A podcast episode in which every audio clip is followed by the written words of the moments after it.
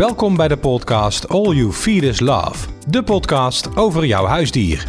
Michel, leuk dat je er weer bent. Ja. Voor een uh, nieuwe aflevering van uh, deze podcast. Uh, voor en door honden- en kattenliefhebbers. Ja. Waar gaat jouw voorkeur eigenlijk naar uit? Heb je voorkeur? Nee, ik heb niet echt een voorkeur. Ik vind, we hebben eigenlijk, wij thuis hebben honden en katten. Dus ja, ze hebben allebei iets leuks. En kunnen ze het ook samen goed vinden? Want dat ja. is natuurlijk ook belangrijk. Ja, dat is ook heel bijzonder. Het zijn soms maatjes, liggen ze bij elkaar te slapen. Dus dat is echt grappig. Nou, in deze uh, aflevering komt uh, Gijs uh, Bartels langs. Ik zag hem al, maar hij zal toch even moeten wachten, want eerst is Stijn nog aan de beurt natuurlijk. Ja, precies. We gaan met Stijn de spreekkamer in. Wat er gebeurt er nou zo allemaal? wat voor vragen krijgt zo'n dierenarts allemaal voorgeschoteld? Gaan we het zo over hebben. En Twan Tak komt langs. En, ja. ja. hij is de jongste tellige in, ja. in de Tak-familie, in de Happy Dog, Happy Cat-familie. De jongste, maar o zo gepassioneerd. Ja, en voornamelijk gepassioneerd als het gaat over duurzaamheid. Ja. Dat is zijn claim. Heel Gaan we het zo over hebben. Leuk. In onze vorige podcast heeft Stijn, de dierenarts van Dierenziekenhuis Eindhoven, al verteld over huid en huidproblemen. Uh, die dan met name um, voedsel gerelateerd waren als het ging om de allergieën op de huid. En toen, Stijn, leuk dat je er bent. En, maar ja, toen, toen, toen noemde jij uh, het, het kan ook uh, atopie zijn. Ik heb het opgeschreven, want anders had ik het natuurlijk niet kunnen onthouden. Um, en je zei dat is een vorm van hooikoorts of een soort hooikoorts. En ook dat kan Klopt. huidproblemen veroorzaken. Ja. Uh, vertel eens. Ja, we zien ja, bij, bij, vooral met, bij honden eigenlijk zien we dat, um, dat ze toch best wel allergieën in ieder geval veel voorkomen. En um, ja, de voedingsallergie is iets wat, wat redelijk veel voorkomt. Alleen wat je nog veel meer ziet voorkomen is de atopie. En zoals je al zegt, het is een lastig woord. Atopie staat eigenlijk gewoon voor een allergie voor uh, eiwitten die in de lucht zweven. Dus waarmee je in contact komt door inademen. Uh, en dan moet je denken aan pollen, aan grassen, schimmelsporen in de lucht, um, stukjes van een boom. Alles wat rondvliegt, wat je inademt, dat kan uiteindelijk een allergie veroorzaken. Meest belangrijke nog stofmijten. Bij mensen komen heel veel huisstofmijtallergieën voor. Um, ja, dan, dan daar heb je gewoon last van. En bij mensen zie je dan uiteindelijk dat je uh, vooral luchtwegklachten krijgt. En hooikoorts wordt dan vaak omschreven inderdaad. Uh, rode ogen, een rode neus, uh, jeuk aan je gezicht. Um, niezen, snotteren. Nou, dat zijn allemaal van die hooikoortsklachten. Lekker in het voorjaar krijg je, krijg je dan uh, zo'n hele lading ja, mensen krijgen er last de van. De pollentijd. De pollentijd inderdaad. Zie je vaak in het najaar nog een keer. Uh, dan vallen de, boom, de blaadjes van de bomen. En dan hebben ze ook nog allemaal al jeuk. Of uh, aan hun neus dan in ieder geval. Nou, wat we bij honden zien, is dat ze vooral huidklachten krijgen door dit soort allergiesoorten. Um, die krijgen eerder klachten aan hun, aan hun ja, aan hun pootjes. Uh, met name eigenlijk zie je vaak van die honden die heel dag aan hun pootjes zitten te likken thuis. Ja. Zeggen mensen altijd van ja, dat is dan, komt dat door stress of zo. Hij zal wel gestrest zijn door de verbouwing. Maar dat blijkt dus gewoon uiteindelijk gewoon een allergie te zijn voor pollen of huisstofmijt of dat soort zaken. Um, dus lik aan die pootjes, dat is echt een heel typisch kenmerk van, van een, een atopie. Uh, en daarnaast eigenlijk ja, wat alle andere allergieën ook hebben. Uh, jeuk aan de oren, oorontstekingen, ja. uh, jeuk aan de anaalklieren. Zo'n hond die de hele dag met zijn kont over de grond schuift. Sleetje rijden noemen we dat dan.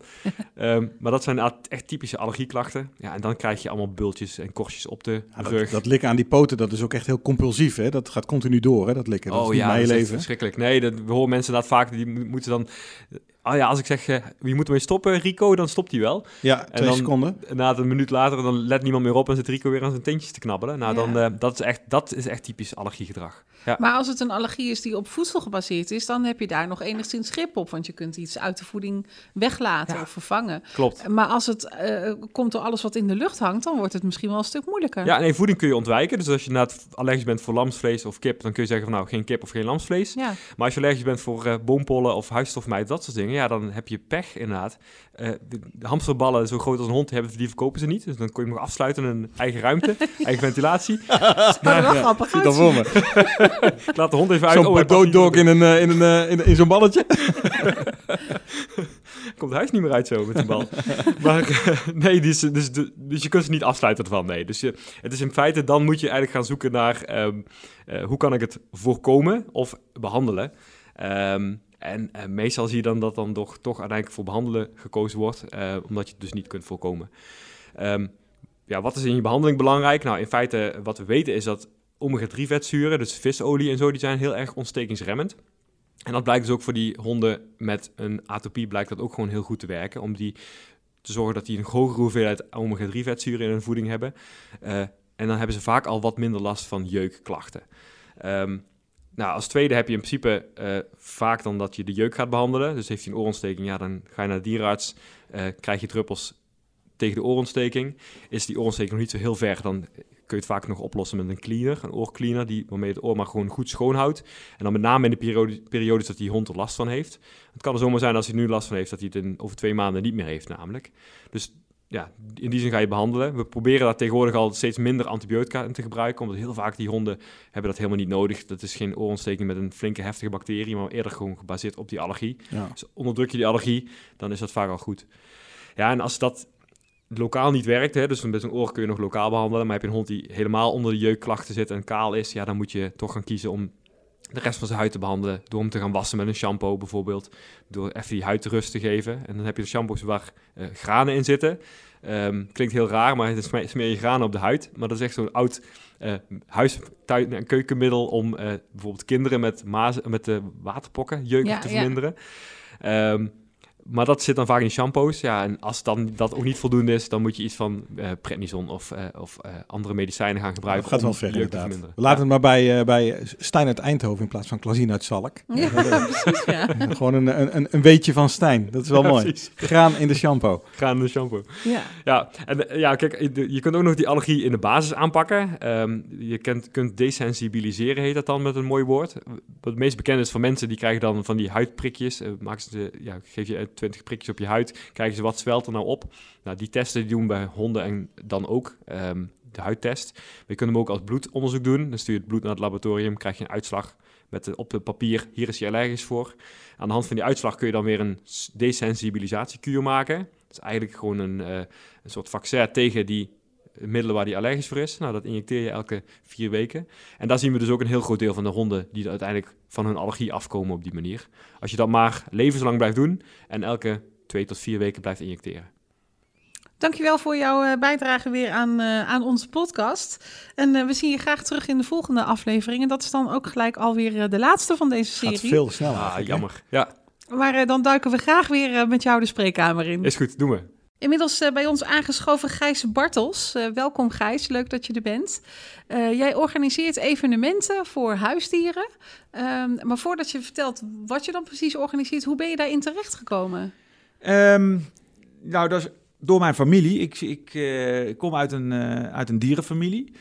Bij ons waren er altijd paarden en honden op het erf. En met die paarden werd de kost verdiend. En uh, mijn moeder was topsporter en mijn zus heeft dat stokje overgenomen. En uh, ik vond het leuk om ergens in de periferie van, uh, van, van die sport ook mijn boterham te zoeken. En die heb ik gevonden in de evenementen. En voor, voordat je, mensen die misschien zitten te luisteren denken, wie, wie was dat dan? Wie is jouw moeder? Wie is jouw zus? Mijn moeder is Tineke Bartels en topsporter geweest tot, tot 2008 zo'n beetje. En mijn zusje die heeft daarna het stokje overgenomen, was al topsporter en jeugd, uh, lid van een jeugdteam. Maar dat is Imke Schelkes-Bartels en uh, beide hebben Olympische Spelen deelgenomen. En mijn moeder heeft daarbij twee Olympische medailles gewonnen en mijn zusje één. Dus we hebben er drie in de familie. Um, en, en ja, goed, die kennis die zij vergaard hebben in die paardensport, die heb ik doorvertaald in eerste instantie naar kleinschalige workshops en clinics. En dat is uitgegroeid naar wat grootschalige evenementen, uh, beurzen, uh, congressen. En, en van daaruit is ook de zijstap ge gezet naar de huisdierenbranche. Want wij kregen na een aantal succesvolle paardenevenementen de vraag vanuit de huisdierenbranche van, goh, hè, dat stukje kennisoverdracht wat jullie daar vertegenwoordigen vertegenwoordiger zou dat ook niet uh, kunnen in de, in, de, in de huisdierenbranche. En daar hebben we een aantal concepten voor ontwikkeld, waarvan Animal Event de grootste is. En uh, ja, dat is een beurs die we nu 13 jaar organiseren op uh, Safari Park Beekse Bergen. En nog steeds succes. Ja, wij organiseren Animal Event nu 13 jaar. Het had vorig jaar de dertiende editie moeten worden, althans. Want uh, ja, we hebben vanwege de corona natuurlijk ook moeten, moeten afgelasten. Maar wij zien wel al die jaren dat we het evenement organiseren een klein stukje groei. Dus we, hè, we, hebben, hè, we hebben elk jaar uh, wat meer bezoekers en wat, wat uitgebreider programma. Dus het is, een hele organische groei. En er is blijkbaar een, een grote behoefte aan die kennis, maar ook aan een stuk fun, wat ondertussen wel een heel belangrijk element is geworden in, uh, in, in Animal Event. En gewoon op een hele leuke manier de omgang met je huisdieren bevorderen. En, eh, en eh, ja, de, de veelzijdigheid daarvan, die, ja, die kunnen we heel mooi laten zien op zo'n evenement met alle deskundigen en specialisten op alle eh, gebieden. Hè. Want hond, kat zijn natuurlijk bij ons ook de grootste dier, diersoorten, maar andere groepen zoals konijnen, knaagdieren, boerderijdieren en... En, en, hobbydieren die zijn ook aanwezig. Dus het is een heel breed evenement. En op al die vlakken ja, vertellen we van alles over wat je met die dieren kunt. En hoe je ook vooral die dieren op een verantwoorde manier houdt. Want dat, uh, ja, dat zie je toch wel dat daar, uh, hè, dat daar gewoon wel een belangrijke een belangrijke factor zit. Dat er, uh, dat er ook nog wel op, op, uh, ja, op een aantal fronten niet heel hè, door, door gebrek aan kennis niet goed ja. met. met nou, Jeroen Oom is ook, een, is ook een spreker bij jullie hè, op het evenement. Jeroen is, is natuurlijk als trainer en gedragsdeskundige bij ons al sinds jaar en dag ja, actief op het evenement. En Jeroen is natuurlijk ook een, ja, iemand die, die het en op een hele leuke manier kan vertellen en vanuit zijn kinologisch Nederland ook een hele hoop kennis ja. heeft. Dus, en, ja, ook in onze podcast geeft hij uh, elke keer uh, tips. En uh, in de volgende aflevering is hij ook wat uitgebreider te gast, komt hij aan het woord. Maar hoe moet ik dat zien, zo'n animal event? ga je daar naartoe met je hond of misschien wel met je kat? Of ga je er zonder je huisdier naartoe? Ja, nou, honden is natuurlijk redelijk eenvoudig en verantwoord te doen om die mee te nemen. Dat doet ongeveer een derde van onze, van onze bezoekersgroep. We hebben ongeveer 30.000 bezoekers over drie dagen. En dat betekent dus 10.000 honden op het evenement. En daarin uh, verzorgen wij ook een hele hoop workshops waar je actief met je hond kunt participeren in het programma. En dat doen we ook met Happy Dog samen. Hè. We hebben een Happy Dog Survival waar je echt een heel survival parcours kunt doen. We hebben uh, een zwembad staan waar je, uh, we noemen dat Happy Dog Diving, waar je je hond kunt laten springen in het water. En dan gaat het om welke hond het verste springt. En, nou, Fantastisch om te zien ook. ja. ja. dat is altijd echt een enorme publiekstrekker. dikke rijen publiek eromheen en, en ontzettend leuk. En je ziet hoeveel plezier die honden daarmee hebben. Maar dat geldt ook voor de dog survival. Ja. En, uh, en dat doen we in, ja, in een hele leuke samenwerking met Happy Dog. Maar die hebben we met, uh, ja, met vele partners, uh, met alle diergroepen. Uh, hebben we dat soort samenwerkingen. En uh, uh, ja, dat, dat is wel heel gaaf om te zien. Als je ziet dat dat ook nog elk jaar wordt uitgebreid en groeit. En, ook echt, ja. echt een dagje uit voor de mensen vaak, hè? Ja, het is echt, echt een leuke dag uit. Dus naast zeg maar een, een acht, negental pistes en demonstratieweiden hebben we ook een echte forse beurs erbij. Met een, een, kleine 200 stands. Dus waar je ook echt leuk kunt shoppen. Hè, er zijn leuke terrassen, horeca. Dus is echt een heel leuk dagje uit waarbij het, uh, het huisdier centraal staat. Ja, als je nou uh, uh, zit te luisteren en je denkt van ik wil daar uh, de volgende keer graag naartoe of ik wil er meer over weten. Of misschien wil iemand wel standhouder zijn of partner worden. waar kunnen ze jou bereiken? Waar kunnen ze meer vinden over dit e-, evenement? Nou, uiteraard op de website animal-event.nl. Daar staat alle informatie en nummer van ons kantoor op. Dus daar, daar kun je alles vinden over, over het evenement en de komende editie. Nou, laten we hopen dat de volgende editie gewoon uh, uh, lekker door kan gaan. En dat niet net als vorig jaar dingen geskipt moeten worden. Dankjewel, leuk dat je dit met ons wilde delen. Dankjewel, Gijs. Heel graag gedaan. Happy Dog Happy Cat doet natuurlijk al veel aan voeding en duurzaamheid. Uh, maar een nieuwe generatie uh, brengt ook weer nieuwe inzichten mee. Daarom is uh, aangeschoven Twan, Twan Tak. Leuk dat je er bent. Dankjewel. In je eigen podcast, in je eigen bedrijf. jij bent als zoon van en kleinzoon van... ben jij in het bedrijf terechtgekomen. Um, maar ik zeg het al, uh, duurzaamheid uh, is belangrijk. Zeker ook, uh, vind jij ook belangrijk. Want jij bent eigenlijk, um, what's in the name, een nieuwe tak gestart binnen ja. Happy Dog, Happy Cat. Dat kun je wel zeggen, inderdaad, ja. ja Jouw eigen ben... groene tak. Ja, precies, precies. ik ben dus inderdaad begonnen in het bedrijf van mijn ouders. Hè.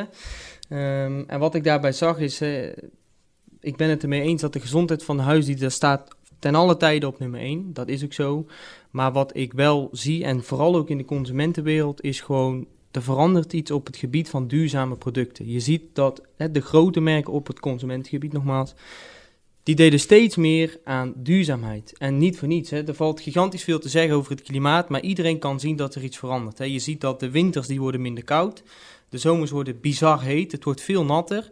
Je ziet steeds meer vluchtelingen komen omdat het, het gebied waar ze leefden, ja, daar, daar kun je niet meer fatsoenlijk leven door de verandering van het klimaat. Dus je ziet zeker wel dat het iets verandert.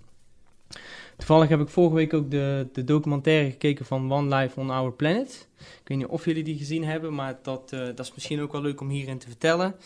Wat aanleiding van het verhaal, dat was uh, die man die ging naar Tsjernobyl. De, de, waar ze, ja, wat een tijdje geleden is opgegeven. En dus, uh, ze hebben dus uiteindelijk gezegd, ook in die documentaire, van het Tsjernobyl geven we terug aan de natuur. En dat, dat gebruiken we niet meer. En wat, wat je zag, wat er gebeurde, is heel de natuur pakte Tsjernobyl terug. Dus je zag eigenlijk in het begin van die documentaire, dat was helemaal vergaan. En ze hebben het teruggegeven aan de natuur en er groeiden weer bomen. En, maar dat wil dus eigenlijk zeggen dat wij als, als mensen zijn aan het vechten tegen de natuur en werken niet met de natuur. En dat zie je dus, hè, kortom, zie je terugkomen in alle producten die wij aankopen. Zowel voor wij als consumenten, maar ook zeker in het gebied van hondenvoeding. En met die gedachte ben ik dus eigenlijk gaan kijken van hè, hoe kunnen we nou hondenvoeding dan hè, verduurzamen. En hoe doe je dat dan? Hoe maak je uh, hondenvoeding duurzaam? Zonder dat het een technisch verhaal wordt, maar Ja. hoe doe je dat? Ja, dat, is, dat, dat kan een heel technisch verhaal, maar kunnen we ook in het kort uitleggen. Wat je ziet is, eh, hondenvoeding wordt momenteel gewoon gigantisch veel vlees gebruikt. Nou, als iets niet milieuvriendelijk is, is het natuurlijk wel vlees. Eh, er valt ook heel veel te zeggen over, is vlees nodig in hondenvoeding? Maar goed, ehm, hoe we dit op een andere manier kunnen verduurzamen, is het omgaan met vlees. Je kunt op verschillende manieren omgaan met vlees, maar ook met alle andere ingrediënten die je in je voeding stopt. En wat we met Good hebben gedaan, het bedrijf wat ik dus ben begonnen, is dat wij werelds eerste klimaatneutrale hondenvoeding zijn. En zo willen we toch inspelen op het duurzaamheid en willen we eigenlijk voor de hond zo min mogelijk veranderen. Want dan komt u weer, de gezondheid van de hond staat ten alle tijden op nummer 1. En we willen dus de ingrediënten willen we zoveel mogelijk hetzelfde houden. En wat we dus gedaan hebben op het duurzaamheidsaspect is dat eigenlijk wat we uitstoten tijdens het fabriceren van de voeding, want komt, ja, daar komt gewoon CO2 bij vrij, dat kunnen we niet tegenhouden. Dat hebben we eigenlijk laten berekenen door een onafhankelijke partij van wat stoten we nu eigenlijk uit met alle transportroutes van de boerderijen naar de fabrikant. En wat stoten we nu eigenlijk uit met het maken van de verpakkingen. En met die gegevens zijn we naar een partij gestapt en die plant voor ons bomen. Hè, de, de- de CO2 die vrijkomt, die kunnen we door middel van een fotosynthese-effect, kunnen eigenlijk de vieze stof worden opgevangen door de bomen. En die, ja, die ademen uiteindelijk weer schone lucht uit. Hè, dus op het moment dat je iets vies uitstoot, dan is het eigenlijk het beste dat je een boom terugplant, om zo dus eigenlijk de lucht op een goede manier te circuleren. Dus vandaar dat we eigenlijk, eh, ja, alles wat we uitstoten, daar planten we bomen voor terug. En daardoor zijn we dus hè, werelds eerste klimaatneutrale hondenvoeding. Dus daarin verschil je ook ten opzichte van Happy Dog, wat wel heel duurzaam is. Maar Good is volledig CO2-neutraal, volledig zelfvoorzienend daarin. Ja, precies. Nou, dat is wel een groot verschil, hè? Ja, zeker weten, zeker weten. En wat je natuurlijk ook ziet in de hondenvoedingssector is dat eh, hondenvoeding wordt vaak verpakt in plastic. Het moet er gelikt uitzien. Snap ik ook zeker. Maar goed, plastic is op gebied van milieuvriendelijkheid niet heel milieuvriendelijk. Eh, wat we bij Good hebben gedaan is dat we, ja, we hebben een zak ontwikkeld gemaakt van papier. En daardoor belast je dus ook het milieu zo min mogelijk. Eh, ja, dus dat is wel iets eh, voor de nieuwe generatie zeker wel een mooie stap. Ook zeker in de hondenvoedingssector. En heeft dat dan ook nog eh, gevolgen voor hoe je dan thuis, als je het eenmaal hebt aangeschaft, hoe je het kunt bewaren? Want naar mijn idee, maar dat, dat is misschien helemaal niet waar, naar mijn idee kan je het in plastic langer bewaren dan in een papieren zak bijvoorbeeld. Ja, dat is zeker waar. Maar wat je natuurlijk wel zou kunnen doen, is de zak gewoon dichtmaken. En wat je ook steeds meer ziet, is uh, je hebt voedercontainers voor je hond. Nou ja, daar kun je de zak in, in en dan blijft het ja, gewoon goed verst. Dus dat, ja, dat moet geen probleem zijn. Ja, ja, dus eigenlijk zeg je van ja, je, je kunt het uh, aankopen uh, in die papieren zak en daarna kun je het zelf natuurlijk ook ja. weer duurzaam opslaan. Ja, precies. Ja. Ik heb ook nog wel één puntje wat zeker ook terug mag komen in het, in het duurzaamheidsaspect. Is natuurlijk het gebruik van de dieren. Je kunt op veel verschillende manieren dieren gebruiken en daar komt ook zeker iets met uitstoot, hè, heeft, heeft daar iets mee te maken. En wat we bij Good eigenlijk hebben gedaan, uh, we willen dus wel het dier blijven gebruiken in de voeding, maar we, hebben wel gezegd van hè, op het moment dat je duurzaamheid wil uitstralen en wil zijn, uh, hebben we gekozen voor vrije uitloopdieren. Dus ook de dieren die we verwerken hebben eigenlijk een, ja, een fantastisch leven gehad, want die hebben gewoon de ruimte gehad om te kunnen grazen. En de vissen die we verwerken, die hebben gewoon de ruimte gehad om te kunnen zwemmen als het ware. En daarnaast zie je natuurlijk ook uh, dat er veel overbevissing plaatsvindt. Ja, en daar hebben we ook bij gekeken van hè, overbevissing is natuurlijk ook niet goed voor het milieu. Want daar houdt natuurlijk de koralen in leven, et cetera. Dus vandaar dat we hebben gekozen van oké, we gebruiken echt alleen maar dieren met een certificaat, zodat we dat ook zo min mogelijk belasten. Mooi, mooi verhaal, mooie drijfveer ook. Laatste vraag nog voor jou. Eh, wat zijn je toekomstplannen met, eh, met Good? Wanneer is het geslaagd? Ja, dat is een goede vraag. Ik ben nog jong natuurlijk, dus ik kan nog heel veel bereiken, denk ik altijd bij mezelf. Maar het mooiste is natuurlijk dat, eh, ja, dat op het moment dat je iets duurzaams uitstraalt, ja, dan wil je toch echt wel marktleider worden. Omdat op het moment dat iedereen iets voert, waarbij je ook nog iets terug doet voor het milieu, dan kan je veel impact maken. Daar ben ik van overtuigd. Mooi, mooie plannen. Ook aan het eind van deze podcast weer de tip van Jeroen. Eh, Jeroen zit er alweer helemaal klaar voor. Eh, Jeroen, ik heb een vriend die heeft een hond. En als ik bij hem kom, dan begint die hond altijd meteen enorm tegen me op te springen. En ik moet heel eerlijk zeggen, ik vind het niet altijd leuk. En ik merk ook dat andere mensen daar niet altijd van gediend zijn. Kun je, wa- wat kun je daaraan doen? Nou, dat is heel erg lastig. Omdat je namelijk, jij bent er misschien niet van gediend en iemand anders ook niet. Maar er zijn er vaak bij die zeggen, ja, maar ik vind het niet erg. Dus af en toe wordt hij toch beloond voor zijn gedrag. Dus ik zeg altijd, ga die hond dan leren op het moment dat mensen binnenkomen of contact zoeken, dat hij gaat zitten op zijn kont. En dat hij dan leert, als hij gaat zitten, dat hij dan pas beloond wordt. Dus in principe is het beste om te negeren en focus op gedrag wat je wel wil. Want dan zul je zien dat uiteindelijk, als er mensen binnenkomen, dat hij leert dat hij rustig moet gaan zitten. Ja, wat een inspirerend verhaal hè, van Twan. Ja, mooi. Ja, leuk. Maar Gijs vond ik ook leuk. Eh, Gijs met zijn evenementen, eh, die is ja, eigenlijk ook wel heel voortvarend daarmee hoor. En die blijft ook vernieuwen, dat is leuk. En dat vertelde die ook. Wat is er veel te vertellen eigenlijk hè, over eh, honden- en kattenliefhebbers. Interessante Hè? branche eigenlijk hè? Ja, zeker ja. En dan te bedenken dat onze volgende aflevering... dat dat gewoon de laatste is van deze serie. Nou ja, voorlopig. Ja, er is nog zoveel meer over te vertellen. Maar wat gaan we doen in die laatste aflevering? Nou, we hebben Jeroen. Eh, die komt iets eh, vertellen over, eh, over, over, over hondengedrag. Hij is gedragsdeskundige, een hele goede ook, een bekende ook wel in, in Nederland. En ja, wat, wat, wat wel leuk is, Kitty, we krijgen naar aanleiding van deze podcast ontzettend veel vragen binnen. En het lijkt mij leuk om ja, die te beantwoorden tijdens de volgende podcast. Eh, dus laten we dat doen. Nou, dan gaan we ze voorleggen aan eh, Stefanie en Juné, onze experts. Dat is een Eh, goed idee. Ja, en dan gaan we die vragen gewoon aan hen eh, voorleggen. Gaan we kijken hoe, hoe ver we komen, want ze zullen ze ongetwijfeld niet allemaal kunnen behandelen. Nee, het zijn er veel. Dus Ja, maar het is leuk. En, eh, en natuurlijk ook eh, in de laatste aflevering eh, gaan we weer eh, de spreekkamer in van eh, Stijn. Stijn Peters, onze dierenarts. Tot Ja, de volgende dat keer. gaan we doen. Tot de volgende. Tot zover deze aflevering van All You Feed Is Love. Wil je geen enkele podcast missen? Abonneer je dan via jouw favoriete podcast-app. Kijk voor meer informatie op www.allyouFeedislove.nl. Deze podcast is mede tot stand gekomen door Klemtoon Media, jouw partner in podcasten.